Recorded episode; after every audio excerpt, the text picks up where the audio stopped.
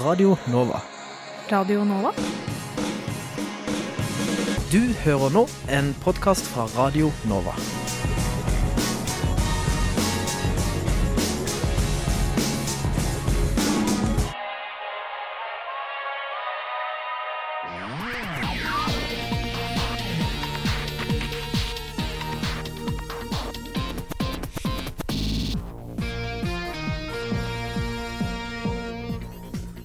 Skummelt er det å sjekke seg for brystkreft? Vi har snakket med en student med dette kreftgenet om frykten og styreleder i Brystkreftforeningen. Er du redd for hva jobb- jobbframtiden din vil bringe, eller i verste fall ikke bringe? Vi har snakka med en nyutdanna som tok saken i sine egne hender. Vi snakker med Erle Amalie, som er vår pendlerstudent og toppidrettsstudent i én og samme person, i vår ukentlige serie 'Det er mange måter å være student på'. Vi tar et spooky besøk til kjelleren på UiOs Domus Medica, hvor det befinner seg en skjelettsamling. Og vi gir deg våre beste tips til smittevennlige og morsomme ting å gjøre under årets halloweenfeiring. Hei og hjertelig velkommen til Studentnyhetene her på Radio Nova. Velkommen. Ja, vi har jo en halloweensending i dag, åpenbart fordi det er dagen før halloween. Yes. Eh, så vi har litt sånn ekstra eh, ja, skumle saker. Ja. I tillegg til at vi har et gresskar med oss i studio. her i studio. Et ekte gresskar. helt til Jacobs for å kjøpe det. Ja. Det var bare det jeg hadde igjen. ja. Um, Og den Det- skal ja. vi rett og slett eh, grave oss gjennom uh, gjennom denne sendingen. Men aller først ukas nyhetsoppdatering.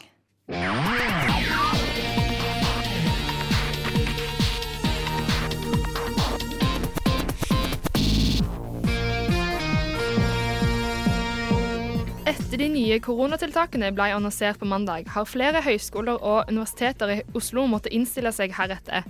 På onsdag annonserte Universitetet i Oslo at det ville bli mer digital undervisning og et påbud med munnbind om det ikke er mulig å holde én meters avstand. Rektor Svein Stølen forteller at eh, førsteårsstudentene er en prioritet, og helst opprettholde noe fysisk undervisning for de. OsloMet-rektor Kurt Rice forteller at selv om de vil gå, vil gå over til mye mer digital undervisning, så er campus åpent for alle studentene. Og dette kan òg hjelpe mot å bli, unngå bli sittende i studenthybelen gjennom hele semesteret. Dette melder Krono. Rektor ved Kunsthøgskolen i Oslo, Mons Vrange, informerte på tirsdag at han sier opp stillingen, melder Krono. Dette kom etter en rekke, rekke uroligheter og debatt på høyskolen, hvor Vrange kom med et forslag til mangfold og antidiskrimineringsarbeid. Flere studenter kritiserte dette og mente at identitetspolitikk var i ferd med å true den akademiske friheten ved høyskolen. Rektor Vrange sier opp sin stilling ikke så lenge etter direktøren ved Høys- Kunsthøgskolen, Anne Marie Beckmann Hansen, også sa opp tidlig i september. Om studentene fikk bestemme neste stortingsvalg, så ville nåværende regjering måtte gå, ha gått av. Dette kommer fram fra en ny undersøkelse gjort på vegne av Universitas og eh, Universitas og Norsk studentorganisasjon. Venstresida har gjort et klart framtrykk i, i forhold fremrykk i forhold til tidligere år, og bare én av fem studenter støtter den nåværende re regjeringen. Dette melder Universitas. Og Det var ukas nyhetsoppdatering, og mitt navn er Line Rørvik. Så vil vi også bare si at vi begynner utkarvingen av gresskaret eh, nå. Og den kan du se live på vår Instagram. Der heter vi Studentnyhetene. Så følg med der. Riktig. Ja. Oktober er rosa sløyfe-aksjonens måned, og er en eh, internasjonal bevegelse i solidaritet med brystkreftrammede. Én av tolv norske kvinner utvikler brystkreft i løpet av livet, og risikoen øker med alder. Burde unge jenter være på vakt likevel? Vi tok en prat med student Dorthea Søyland, som sjøl har opplevd frykten for å få det på grunn av et arvelig kreftgen, og styreleder i Brystkreftforening Ellen Harris Utne for svar. Hvorfor tror du det er så skummelt å sjekke seg for brystkreft? Spesielt ordet kreft føler jeg liksom har en veldig sånn der Selvfølgelig er det negativt, men det er veldig, det er veldig skummel eh, klang på det. Fordi jeg tror at det er så mange som forbinder det at hvis du får kreft, så er det liksom en dødsdom. Dorthea Søyland er student på Oslo OsloMet, er 26 år og har selv opplevd å miste mennesker nær seg til brystkreft. Hun mener bevissthet rundt det og forskning har gjort det mindre skummelt å skulle få diagnosen. Altså, selvfølgelig hadde jeg nå blitt redd, på det er jo så individuelt hvordan det kan gå med folk. Men jeg tror òg at nå har jeg opplevd veldig mye tilfeller der det har gått bra, da. Um, uansett om, om folk har vært unge eller gamle. Jeg tror kanskje at pga. det så hadde jeg, jeg selvfølgelig blitt redd, men jeg hadde nok vært rolig. Fordi jeg tror at jeg hadde tenkt at det ordner seg. For det, det er det det gjør for de fleste nå i dag, faktisk. BRCA-genet ble påvist i familien til Dorthea. Og dette kreftgenet er arvelig, og de som fikk det påvist, måtte gjøre grep. Både min farmor og to av tantene mine døde av brystkreft veldig unge. Så vi har en del historier med akkurat altså Selvfølgelig mye trist og sånt, men òg en onkel som har forska en del på brystkreft og funnet ut mye rundt dette genet, og som har gjort at en del av søskenbarna mine og til og med søstera mi de fjerner brystene og alt dette. Sånn at de skal få slippe å gå gjennom det som tanten min gjorde, f.eks. Styreleder i Brystkreftforeningen, Ellen Harris Utne, mener det er minst like viktig for unge jenter å kjenne sin egen kropp for å avdekke forandringer og eventuelt kreften tidligst mulig. Dette mener hun er et av Brystkreftforeningens viktigste budskap å informere folk om. Det er en myte at det er sånne gamle damer som får brystkreft. sånn at det studentmiljøet kan det òg skje. Så det er viktig. da. Alle jenter eh, undersøker brystene sine og blir kjent med brystene sine mm. for at de skal eh, kunne kjenne om det er forandringer. Det er det som er det viktigste. Det er jo de som er over 50 som får mammografi som det kan bli oppdaga på. sånn at de som er under 50 bør absolutt ha en rutine på å undersøke brystene sine sjøl. Vi har lagt ut en video på Brystkreftforeningen sine sider der vi har altså det er hashtag 333. Tre fingre som du skal bruke til å undersøke brystet ditt sjøl med hver tredje måned. Og så skal du da uh, fortelle tre venninner om at du gjør det, sånn at de òg begynner å gjøre det. Jeg kan ikke stresse deg nok med at det å undersøke seg sjøl og få oppdaga det så tidlig som mulig er viktig. Mm. Eh, du kan ikke vente til du får mammografi når du er 50. Og Behandlinga har jo kommet veldig langt. Så som ung, hvordan ser prognosene ut? Hvor farlig er det å få brystkreft i dag for unge? Det er nok eh, litt grann, eh, hardere å få brystkreft som ung i dag mm. enn eh, det er for oss som er over 50. Ehm, de yngre får ofte flere komplikasjoner enn de, de voksne, mer voksne. I forhold til når en skal yte cellegift, så er det viktig at en eh, kan få frosset ned embryo, sånn at en kan få eh, muligheten til å få barn. Er du 25 år og får brystkreft, så er det jo et, et, eh, veldig, en stor sorg hvis ikke du skal kunne ha muligheten til å få barn pga. det. Selv om det er viktig å sjekke seg sjøl og være bevisst på brystkreft, understreker Utne at dette er en krefttype med mye forskning og gode prognoser i dag. Altså Det viktigste Brystkreftforeninga kan gjøre, så er det å informere og informere og informere. Eh, for det er den største kvinnesykdommen. Altså Ni jenter hver dag får brystkreft. I 2013, da jeg ble eh, diagnostisert, så var altså prognosen 85 overlevelse. I dag så er det over 90% Brystkreft er jo en av de kreftformene som har eh, best prognoser, og som har eh, mye forskning. Det er jo det vi gjør i oktober. Det er jo det å, å skape oppmerksomhet om eh, brystkreftforskning, mm. og å få inn penger til forskning på brystkreft. Ja, hvor viktig er denne måneden for Brystkreftforeninga for brystkreftforskning? Uhyre viktig. I august eh, så var jeg og uh, generalsekretæren i Kreftforeningen vi delte ut 25 millioner til seks forskere som skal mm. forske på forskjellige uh, brystkreftteorier. Takk til Dorothea Søyland og styreleder i Brystkreftforeningen Ellen Harris Utne.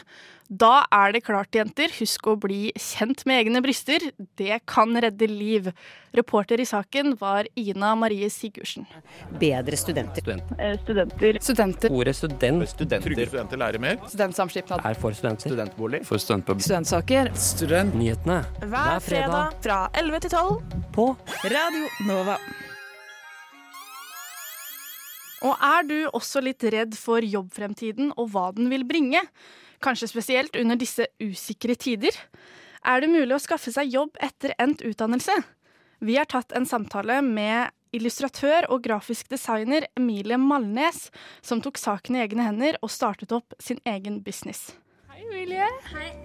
Du er ganske nyutdanna og har på mange måter øh, overvunnet frykten for hva fremtiden vil bringe ved å ta saken i dine egne hender. Vil du si deg enig i det? Eh, ja, på mange måter. Jeg vil, jeg vil, jo si at den frykten eh, for framtida liksom fremdeles er der, og fremdeles alltid kommer til å være der. Men eh, jeg har nå i hvert fall tatt, endelig tatt det steget, da, ved å starte for meg selv. Hva er det du driver med for tida? Hva er, liksom hele, hva, hva er opplegget? Ok, Jeg eh, jobber frilans som illustratør og litt med kunst. Litt design. Mm. Jeg har jo tidligere studert, studert grafisk design, hvor jeg eh, som regel gikk litt over i den illustrative delen av det. Så for meg var det veldig naturlig å fortsette med illustrasjon. da, Det er det jeg syns er veldig gøy. Hvordan fant du ut at det var dette her du ville gjøre? Som sagt så studerte jeg jo grafisk design, og etter studiene, jeg tok en bachelor, etter studiene så trengte jeg en liten pause mm. eh, fra det kreative generelt. Eh, så jeg jobba i restaurant i et år. Og så Mens jeg jobba i restaurant, så holdt jeg mye på med illustrasjon og kunst og litt sånn bare som en hobby. La litt ut på Instagram, fikk uh, litt uh, god feedback på det. Og spesielt når korona kicka inn som fullt, var jeg mye hjemme hos familien og hadde mye tid til uh, sånne ting. Så da la jeg masse ut på Instagram og fikk mye tilbakemeldinger, og det var veldig gøy. Så da bestemte jeg meg litt sånn for at dette er jo faktisk noe jeg kanskje kan tørre å gjøre en gang i framtiden. Men jeg hadde ikke trodd at jeg skulle gjøre det så tidlig som nå.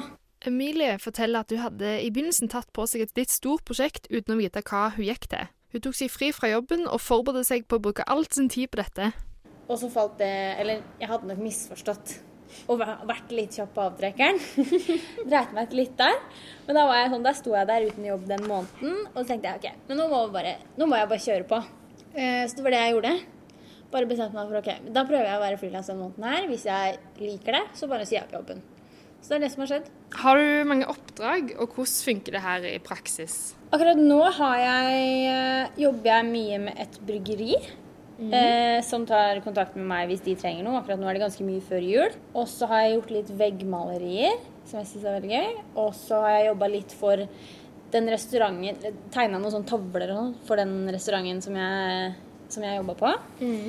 Eh, og hvordan jeg får oppdrag, er jo mye av bare det å sende mailer og ta kontakt med folk. Snakke ja. med folk.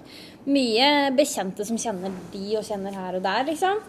Det blir mye av at jeg sender mailer og foreslår kunne dere vært interessert i et samarbeid, eller noe mm. sånt forskjellig. Og som regel så får jeg jo ikke svar i det hele tatt. Eh, det er kanskje én av 50 mailer som jeg får svar på, da. Hun forteller at økonomien bare så vidt har gått rundt på de to-tre månedene hun har holdt på. Det er veldig mye jobb og veldig lite inntekt. Det blir spennende å se, rett og slett. Jeg veit ikke om det kommer til å gå. det vet jeg faktisk ikke. Bruker du noen eh, markedsføringsteknikker? Det jeg gjør mest av, er å legge ut eh, det meste på Instagram. Det er egentlig det jeg gjør. Prøver å dokumentere så mye, det, så mye som mulig av det jeg gjør, rett og slett. Mm. På Instagram og LinkedIn. Har du fått oppdrag gjennom Instagram? Ja, det har skjedd et par ganger. Eh, da er det jo mye altså sånn privatpersoner som vil ha noe kunst eller noe sånt forskjellig. Mm. Og så har det skjedd at noen, noen, som driver små bedrifter eller noe sånt, tar kontakt, og det har skjedd absolutt. Er du fremdeles stressa eller redd for fremtiden? Ja. ja. Absolutt. Mm. Og det kommer jeg sikkert til å være hvis jeg fortsetter med det her i mange år framover. For det er jo en usikker jobb, og det vet man når man går inn i det. Men jeg jobber hele tiden med å roe meg litt ned og tenke at hva er det verste som kan skje? Så ja, jeg er stressa, men jeg jobber hele tiden med å tenke at det kommer til å ordne seg, liksom. Ja. ja. Det roer meg litt ned. Har du planlagt noe spennende fremover i tid? Det er eh, vanskelig å vite hva som skjer seks måneder fram i tid. Mm. Det aner jeg ikke. Mm. Jeg vet hva som kommer til å skje den neste måneden. Kanskje måneden etter det. Ja. Usikkert. Ja. Shit, jeg syns du er tøff. Mm. Ja, takk. Jeg òg. eh, har du noen gode tips for studenter eller nyutdanna som har lyst til å gjøre noe lignende som deg? Jeg, veldig, jeg, har alltid vært veldig sånn jeg skal sitte og vente på at ting skjer med meg. Mm. Jeg sitter og venter på at plutselig oppdager noen meg på Instagram, eller plutselig så er det noen som tar kontakt med meg, osv. Men det er jo nå som jeg liksom har skjønt at dette her er, dette ligger 100 i mine hender. Eh, at ting har begynt å skje litt Så bare, det er altså sånn, kjedelige tips, fordi det får man alle, men vær på og bare ta kontakt med mennesker. Og bygge nettverk og vær sosial. Og sta, man er, når man er student Jeg angrer på at jeg ikke var mer med på ting når jeg var student. Var med i eh, studentorganisasjoner osv. osv. Fordi der får du så mye kontakter. Fordi jeg kjente jo godt de som jeg gikk i klasse med, men ikke så godt alle andre som gikk i på andre gjorde andre ting på skolen, f.eks. andre skoler, eller hva det måtte være. Så vær aktiv når det kommer til andre ting enn akkurat ditt eget studie, f.eks. For for det, det kommer du til å få tilbake for. Takk for intervjuet. Så får vi krysse fingrene for at det går som smurt framover i tid. Jo, takk. For Ja. det første. Ja. Jeg er eh, optimistisk, selv om jeg er småstressa absolutt hele tiden hver eneste time i døgnet. Men jeg er veldig optimistisk, og jeg syns det er supergøy. Jeg syns du er veldig flink. Takk. Ja. Og jeg kan oppfordre absolutt alle til å gjøre det her. Ja. Enten ved siden av studiet, eller ved siden av deltidsjobb, eller bare Ja. kjøre på. Ja. Oppfordring til de som lurer på om de skal gjøre det. Gjør det. Gjør det. Ha det bra. Ha det. Der hørte du et intervju med illustratør og grafisk designer Emilie Malnes. Eh, kanskje fikk du litt inspirasjon til dine egne fremtidsplaner. Reporter i saken eh, var meg, Line Rørvik. Vi har glemt å sjekke inn på gresskarfronten. Eh, Ja. Line, har du litt updates der? Um, nå har jeg, jeg tror jeg har fått ut det meste av eh, de der frøene. Uh, Ja, for- Ja, Ja. for man må jo grave ut det, og så har jeg bare endt opp med å grave det med hånda. Som er jo en taktikk man kan ekkelt. bruke. Og hele studio lukter nå gresskar. Det lukter pumpkin spice. Nei, det gjør ikke det. Nei, jeg synes egentlig Nei, det bare det. Det lukter bare rart. Ja, jeg Men uh, man kan vel lage litt mat av det her, da. Hvis Kanskje. man får det til å gjøre det skikkelig. ja. Jeg har faktisk spist eh, gresskarsuppe. Det Det tror jeg òg jeg har spist. Det Ja, det er ganske godt. faktisk. Ja. Ja. Men eh, ja, så nå må jeg prøve å vite hva er annet jeg vet ikke hva, hva veien videre er. Nei. Så vi må finne ut hva, hva som skjer videre med det her. Men fortsett å gå inn på vår Instagram, så ser du hele prosessen live. Studentnyhetene heter vi der. Ja. Eh, og nå skal vi til vår ukentlige serie. Eh, I denne ukas eh, Mange måter å være student på skal vi snakke med Erla Amalie, som er vår eh, pendlerstudent slash toppidrettsstudent. Eh, eller superstudenten, om du vil. Jeg visste ikke helt hva jeg skulle kalle det. For dette er imponerende greier. Eh, jeg syns hun var såpass inspirerende å høre på at jeg la inn sånn uh, magic, magic dust. under hennes mest imponerende eller inspirerende quotes. Så Ja. gjerne prøv å legge merke til det. Jeg skal gjøre det. Men her kommer Erle. For alle, alle studenter uansett, sikkert. At man bare tar seg tid til å slappe av også. Det er mange måter å være student på, er jo noe vi har fått eh, ganske fint inn nå. Sist gang jeg liksom var eh, i gang med det, så var det penn og papir, liksom, og det var det. Og nå er det jo masse videoforelesning. Skrives Canada med K eller C? Jeg tror det er valgfritt, okay. men det vanligste er å skrive det med C. Ok, takk. Har du TikTok? Ja, veldig flaut. Men ja, dessverre. Det er mange, mange måter å være, student på. Vi har nemlig funnet, eller oppdaget, Erla Amalie, som eh, studerer på Veterinærhøgskolen. Går fjerdeåret der. I tillegg til at hun satser på hundekjøring. I tillegg så pendler hun fra Bardufoss og Senja, eller et sted mellom der, i Troms fylke. Hun pendler mellom Troms fylke og eh, Som kanskje har blitt Finnmark. Ja, i hvert fall. Eh, hun pendler fra langt oppe i nord til Oslo annenhver uke. Akkurat nå så befinner hun seg i Troms, og derfor måtte vi ringes via Skype. Men sånn blir det når det er pendlerstudent det er snakk om. Men eh, hvordan eh, i alle dager eh, får du til dette, da? Nå har jeg jo liksom holdt på såpass lenge med det her at nå går jo egentlig alltid en ganske bra rutine på det. da. Så må man jo ellers bare planlegge dagene sine jævlig bra, da. Så man får gjort unna det skolearbeidet man skal før man skal trene. Man drar jo på skolen fra åtte til fire, og så er det jo bare å lage seg mat kjapt og så gjøre skolearbeid resten av kvelden også. Sånn at man har tid til å ta fri i helgene. Og så må man jo bare ha liksom, motivasjonen til å gjøre det. da. Det må være noe du har lyst til å gjøre som du føler er verdt det. Og for min del så føler jeg at jeg får mer energi av å kunne reise hjem enn og være ute og trene hundene og sånn. Så da blir, da blir det måten jeg slapper av på, da. Mens andre kanskje ser på film eller noe. Men eh, hvordan fungerer egentlig hundekjøring? Jeg for min del konkurrerer jo for det meste i langdistanse. Og så kommer det litt an på hvor langt du skal kjøre og sånn, men det tar ofte sånn alt fra ett døgn til fire døgn, da. Shit, fire døgn? Har du med deg telt og sånn, eller hvordan er det det funker? Ja, du har med telt, eller så har du med jervenduk, og så sover du bare på bakken sammen med hundene. Nei. Og så er det om å gjøre å, å, komme først i mål? Ja. Erle forteller at målet er å dra til VM i Sverige neste år, men at alt er litt usikkert nå pga. korona. Det blir arrangert og ikke. Og hvor man får lov til å reise, og om man får lov til å reise ut av landet. For det kan jo ikke ende opp med å måtte sitte eh, to uker i karantene. For så langt fri får ikke fra skolen.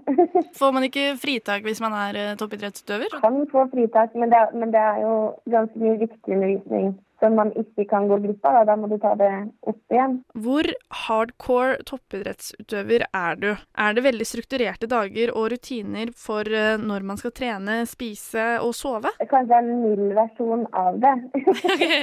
Fordi Så lenge jeg er i Oslo, så er jeg jo liksom opptatt av å spise eh, bra mat og prøve å få trent fem dager i uka. Og liksom meg sjøl, da. Og så ja, sover åtte timer og sånn. Men jeg er ikke sånn veldig streng på det heller. Jeg, jeg, altså, jeg kan jo spise det jeg har lyst på. Det er ikke så viktig. Det viktigste er jo at hundene skal være i god form. Jeg må bare være sånn halvveis bra. det er konkurransene jeg er på, da, så gjelder det for det meste å liksom være bra trent psykisk. At du liksom klarer å holde deg våken. Du klarer å være kald veldig lenge og trøtt og sliten. Og fortsatt holde humøret oppe, da. Hvor mange hunder har man i uh, Heter det hundespann? Ja, ja, det gjør det. Wow. Jeg har sett på Lars Monsen, vet du. Da, han driver jo med det greiene Ja, der. Eh, man, har jo, man kan jo kjøre med alt fra 4 til 16. Oi. Men så jeg liker, å, jeg liker best å kjøre med 8. Hvor sliten blir man av å holde på sånn her? Er det, ligger du ofte på gulvet og ikke vet hvor du skal gjøre det fordi du er så sliten? For min del så blir det for det meste det hvis, jeg, hvis det har gått lang tid mellom at jeg har vært hjemme, på en måte. Hvis jeg har brukt, vært mange uker i Oslo og bare lest, så er det det jeg egentlig blir sliten av. Jeg trenger å komme ut og få frisk luft og gjøre noe og se noe annet enn bøker og innesperra rom. Og selv for en toppidrettsutøver det kan det ta på, på. så Erle må være god til å lytte til kroppen og slappe av når hun trenger å slappe av. Jeg er veldig opptatt av det. At liksom, hvis jeg trenger å hvile, så gjør jeg det. Og så får jeg bare lese det kapittelet i morgen i stedet. Men hvorfor har du lyst til å bli veterinær? Er noen i familien din det? Nei, jeg har bare hatt lyst til å siden barnehagen, egentlig. Og så har jeg aldri fått noen andre ideer på hva jeg har lyst til. Så da har jeg bare fulgt den, eh, den drømmen, da. Jeg har jo valgt riktig studie i forhold til hva jeg vil bli, men, bare, men med tanke på hvor mye tid man må bruke på skole, så er det ikke helt riktig. For det er veldig mye annet jeg har lyst til å gjøre enn å bare sitte og lese. Jeg har, jeg har angra noen ganger, for å si det sånn, Ja, på studievalget. Ja. Når jeg er ferdig på sjette året, så er jeg ferdig. Da begynner man å jobbe som veterinær. Hvordan tror du det kommer til å være? Du som tydeligvis liker å være ute i fire døgn og fryse og Jeg vet ikke helt, jeg vet ikke helt ennå. Jeg har tenkt på det. Jeg vet ikke hvordan jeg skal få det til å gå opp. Men vi får se. Kanskje det dukker opp en løsning. Det er jo heldigvis mye praktisk arbeid når man jobber, da. At vi reiser mye rundt og jobber med dyr og Og et siste spørsmål før vi går til dilemmaspalten, er jo hvordan det går med det sosiale livet når man lever på denne måten. Jeg har jo veldig, eller jeg har jo noen veldig gode venner som liksom skjønner godt det her med at eh, jeg har litt dårlig tid, da. og, at jeg og at jeg ikke alltid kan prioritere det sosiale. Men så prøver jeg å få gjort noe sosialt når jeg har tid til det. Og når jeg først er i Oslo, så blir det jo lettere når man uansett er på skolen eller ja, har, er i nærheten. Vår nye dilemmaspalte. Dilemmaspalten. Dilemmaspalten. Vil du ha alle hundene, men ikke kunne drive med hundekjøring? Eller drive med hundekjøring, men ikke kunne ha hunder selv? Hmm. altså, nå, nå lever jo på en måte livet hvor, eh, hvor jeg driver med hundekjøring, men ikke har hundene sjøl. Fordi jeg er veldig mye i Oslo uten hundene. Men samtidig drømmen er jo å ha, kunne bo et sted hvor jeg har hund sjøl. Men å ikke drive med hundekjøring, hva skulle jeg drive med da, da? Nei, så Det måtte nok bare blitt at jeg hadde fortsatt sånn som nå. At jeg hadde ikke hatt hund sjøl, men driver med hundekjøring. Men eh, du får ha lykke til med, lykke til med alt. Tusen takk. Vær så god. Ok, ha det. Lykke til med alt, var det du fikk deg til å si der, ja, Nora? ja, det var det. Men det er forståelig, for det å pendle mellom veterinærstudier i Oslo og hundekjøring i Nord-Norge er mye å ta inn over seg for en Nova-reporter. Var, det var jo òg litt eh, eh, fylkesusikkerhet her, så det er bare å oppklare litt. Troms har slått seg sammen med Finnmark og heter nå Troms og Finnmark fylke. Reportasjen er laga av Nora Torgersen. Hei, hei, hei, og velkommen til Studentnyhetene. Og velkommen til Studentnyhetene. Til Studentnyhetene. Til denne timen med Studentnyhetene. Til Studentnyhetene. På Radio Nova. En liten uh, gresskar-update vil vel alle ha nå? Ja. Vi har fått til et øye. Jeg fikk Ja, til et øye. Du, du del, de bidro med et øye, og så Ja. nå har jeg tatt et øye til. Og så prøver jeg å lage en slags en munn. Eh, en, en munn. Og så Um, har vi direktesending fortsatt. Så det er eh, verdt å få med seg. Ja. Virkelig. Uh, ja. Eh, har du ikke kommet i halloweenstemning ennå? Da vil du nok bli skremt når du finner ut hva som befinner seg i kjelleren på UiOs Domus Medica. Så her er det utstilt ting fra Ja, det er historisk materiale, men det er altså knokler som øh, Hvor man kan se tegn på sykdom og skader og sånt. Ja, det er et, et, et eh, skinneben eh, fra legen, hvor man ser det er et, eh, en, en sånn hoggskade, antagelig fra kamp. Eh, Per kan etterpå fortelle oss mye om at det ser ut til at det før i tiden, altså i middelalderen, var mye mer vold enn det vi er vant til i, i vår tid. Det kan man se på, på skjelettene. Jeg har tatt turen til Domus Medica, rett ved Rikshospitalet. Der har jeg møtt Sven Davanger og Per Holk, som skal fortelle meg litt mer om De schreinerske samlinger, som er en samling med skjeletter. Så her er et skulderblad hvor det er eh, brukt sverd. Som har fått et sverdhugg på, på ryggen, da, som har gått gjennom skulderbladet. Du blir altså aldri redd av å være her alene? Nei. Dette har vært mennesker sånn som oss. Vi har akkurat sånn som dem inni. inni. Så det er helt naturlig. Ja, de eldste der er fra um, jernalderen. Av de som er ute i skapet, altså. Men vi har jo skjeletter som er fra steinalderen. her. 2000 før Kristus. Eh, hvor mange skjeletter er det her nede? Ca. 8500 skjeletter. Eller eh, nummer, da.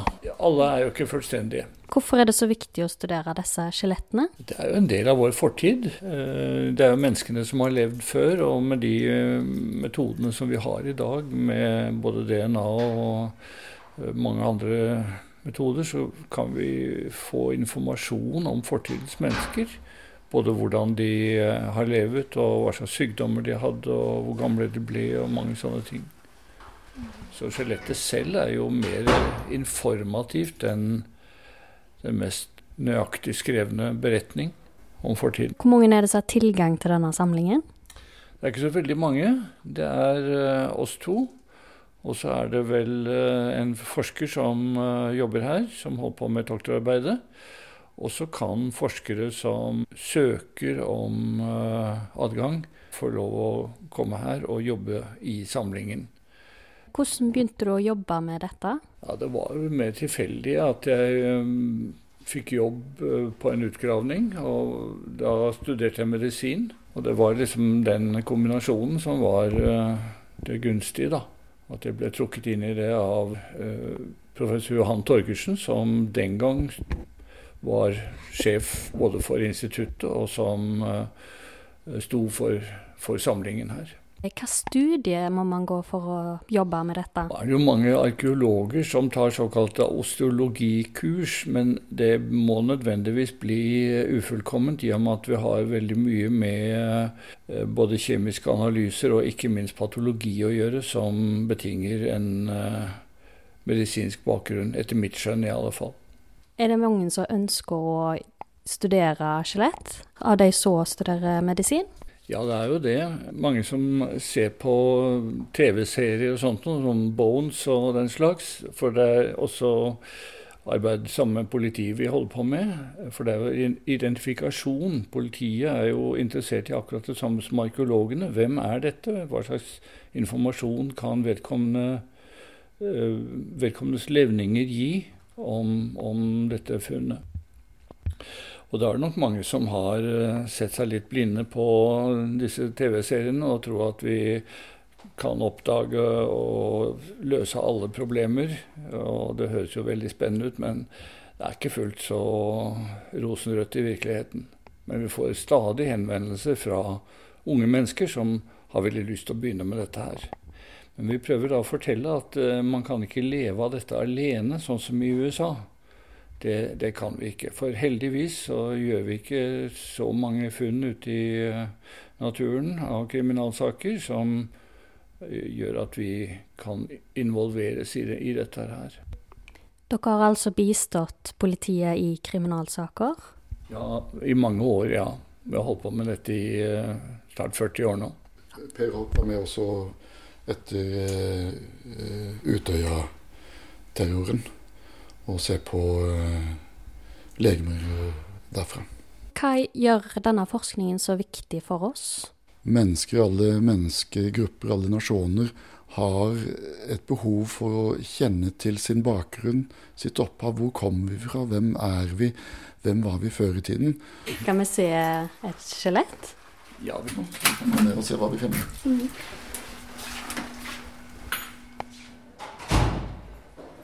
Vi går ned en metalltrapp, og det første jeg ser, er rader på rader med hodeskaller.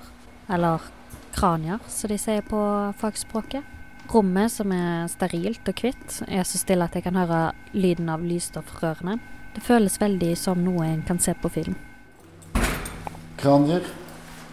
Eh, på noen av dem ligger det da fremme lapper og, og, sånt. Andre må vi da se på et katalognummer for å finne ut hvor de kommer fra. En del av disse som ligger her, de kommer fra Rettsmedisinsk institutt. Det er altså skaller, eller skallefunn som ikke er identifisert, og ikke kommer noe særlig videre. Mens de aller øverste det er jo barneskaller hovedsakelig, og ser ut som det har vært brukt i undervisningen. Det jeg legger merke til, er hvor forskjellige alle er. Ja. Skulle trodd at uh, de som var mer like Det er lett å se forskjell på oss, men det gjelder også på, på grandiene. Har vi valgt å ha dem bak uh, glass, da, sånn at uh, vi kan se det? For det ofte, når vi leter etter noe spesielt, så er det ofte mye raskere å gå rundt og kikke og finne en skalle som har akkurat den skaden eller det trekket som vi er ute etter, enn å sitte og bla i uh, en datafil. Vi får av og til spørsmål da, fra politiet som har funnet en eller annen knokkel og spørsmål hva dette er for noe. og Da er det veldig ofte dyreben de finnes. Og da kan det være nokså vrient å uh, finne ut hva slags dyreart det er. Jeg holdt på i går med en uh, knokkel som var uh, nokså defekt. Vi kan med en gang kjenne om det er dyr eller menneske. For en dyreknokkel føles annerledes når vi tar på den. Og det er mye tyngre enn eh, menneskeknokler. Er det studenter som hjelper dere med undersøkelser av og til? Vi skulle ønske det var det, men eh, de har nok med sitt eget, dessverre. Men eh, vi håper jo stadig at noen interesserte studenter vil gå dypere inn i materien her. Vi har noen som skriver oppgaver om disse tingene. Jeg kan legge til at vi er egentlig veldig interessert i å få opp eh, forskningen og få kontakt med både studenter og andre som er interessert i å gjøre forskning. Vi er interessert i medisinstudenter som vil ta en sånn forskerlinjeprosjekt her. Og vi har planer om å eh, søke penger til et doktorgradsstipend her. Der hørte du professor Per Holk og Sven Davenger.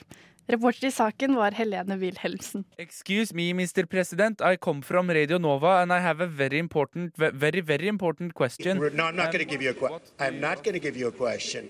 You are fake news. No, not you. Not you. Your organization's terrible. Radio Novas valgvake. Natt til 4. november. Midnatt til klokken seks. Dersom du hører på direkten, er eh, halloween 2020 kun én dag unna. Yes. Mm. Og om du ikke om ikke koronaoppblomstringen skremmer deg, så har vi funnet frem tre ting du kan gjøre på halloween. Og eh, ja, Line, vil du ta nummer, Ja, nummer én der? Jeg kan, jeg kan ta nummer én, ja. Um, det er jo uh, litt sånn Hva var det musikk? Litt old school. Men uh, du kan jo kjøpe et gresskar, og så kan du gjøre sånn som meg på direktesending, på direktesending med å bare lage litt grimaser, litt det du vil. Det, jeg ser nå at min litt Den ser litt forskrekka ut, men det går bra. Eh, men kanskje du er litt mer handy, handy enn meg, da. Det Ja. Ja. Får til, noe bedre. Ja, det vi burde gjort, som er et hot tips, er å søke på hashtag pumpkin carving på Å, ja. Instagram. For der eh, er det sjukt mye eh, kule altså, inspirasjonskilder til hvordan man kan designe sitt gresskar. Ja, det Ja. Og så er det et, eh, et lite bonustips er å, bruke gresskarfølge til å lage gresskarmuffins med vaniljekrem.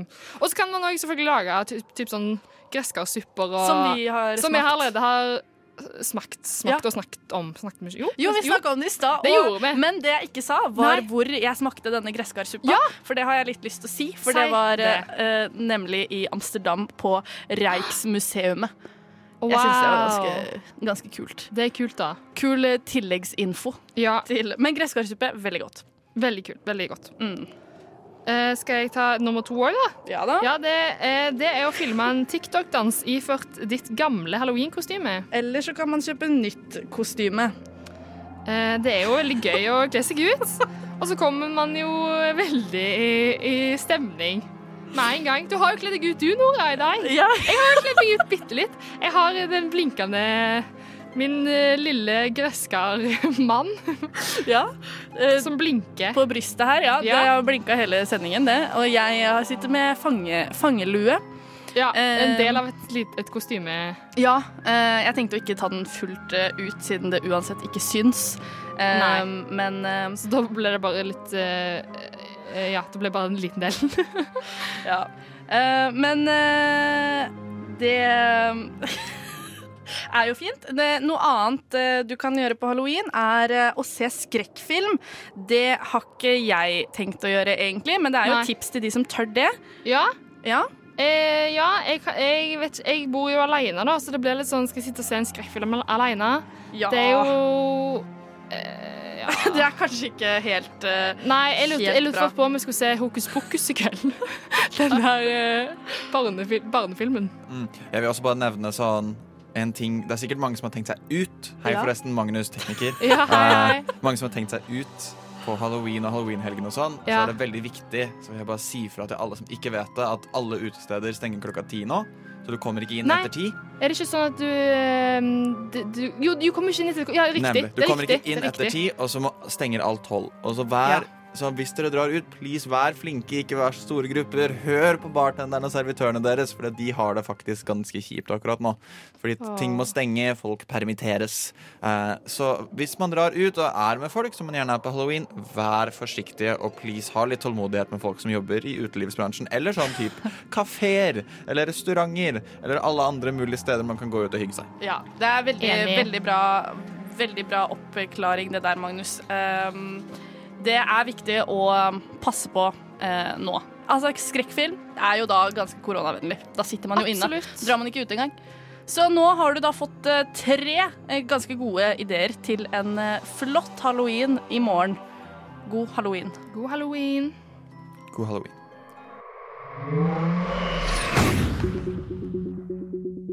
Kommer en liten værmelding. Um, men Men uh, eh, det ble jo spooky vær hele helga. Ja, det er jo jeg- egentlig det som, det som skjer. Og så tenkte vi vi skulle komme med en, opp, opp, skulle vi egentlig bare komme med en oppdatering på gresskaret. Ja. Eh, fordi vi har ikke egentlig sjekka værmeldingen. Nei, så det ble, det ble, det ble spooky vær. Ja, forhåpentligvis blir det overskya og masse sånn Tåke. Masse måne, holdt jeg på å si. masse måne. Fullmåne. Ja. Så blir det ganske Det sånn ble, er ikke fullmåne nå? Jo, jeg tror det. Jeg tror faktisk det er det. Ja. Men uh, altså, igjen, sjekk ut vår Instagram for å se hvordan det gresskaret blir. Ja, det kommer opp, ja. Nå, nå- nå har jeg fått et, nesten et øyenbryn til, så nå har han to øyenbryn Ja, det helt eh, snart. Der hørte du Amara med 'Sjelevenn'. Og med det så vil vi takke for oss her i Studentnyhetene. Følg oss gjerne på sosiale medier. Der heter vi Studentnyhetene overalt. Og hør oss igjen på podkast der du hører podkast. Eh, mitt navn er Nora Torgersen, og med meg har jeg hatt Line Rørvik. Ja, og tekniker i studio har vært Magnus Tune. Da ønsker vi dere en fin helg. Og fin halloween! Shit, Fin halloween. Ja. Ha det bra uh, i morgen. Ha det bra i morgen. Ja, ha det bra i morgen, ja. ja. Og ha det bra, og takk for nå. Takk for nå. Du har hørt en podkast fra Radio Nova. Likte du det du hørte? Du finner flere podkaster i iTunes og på våre hjemmesider radionova.no.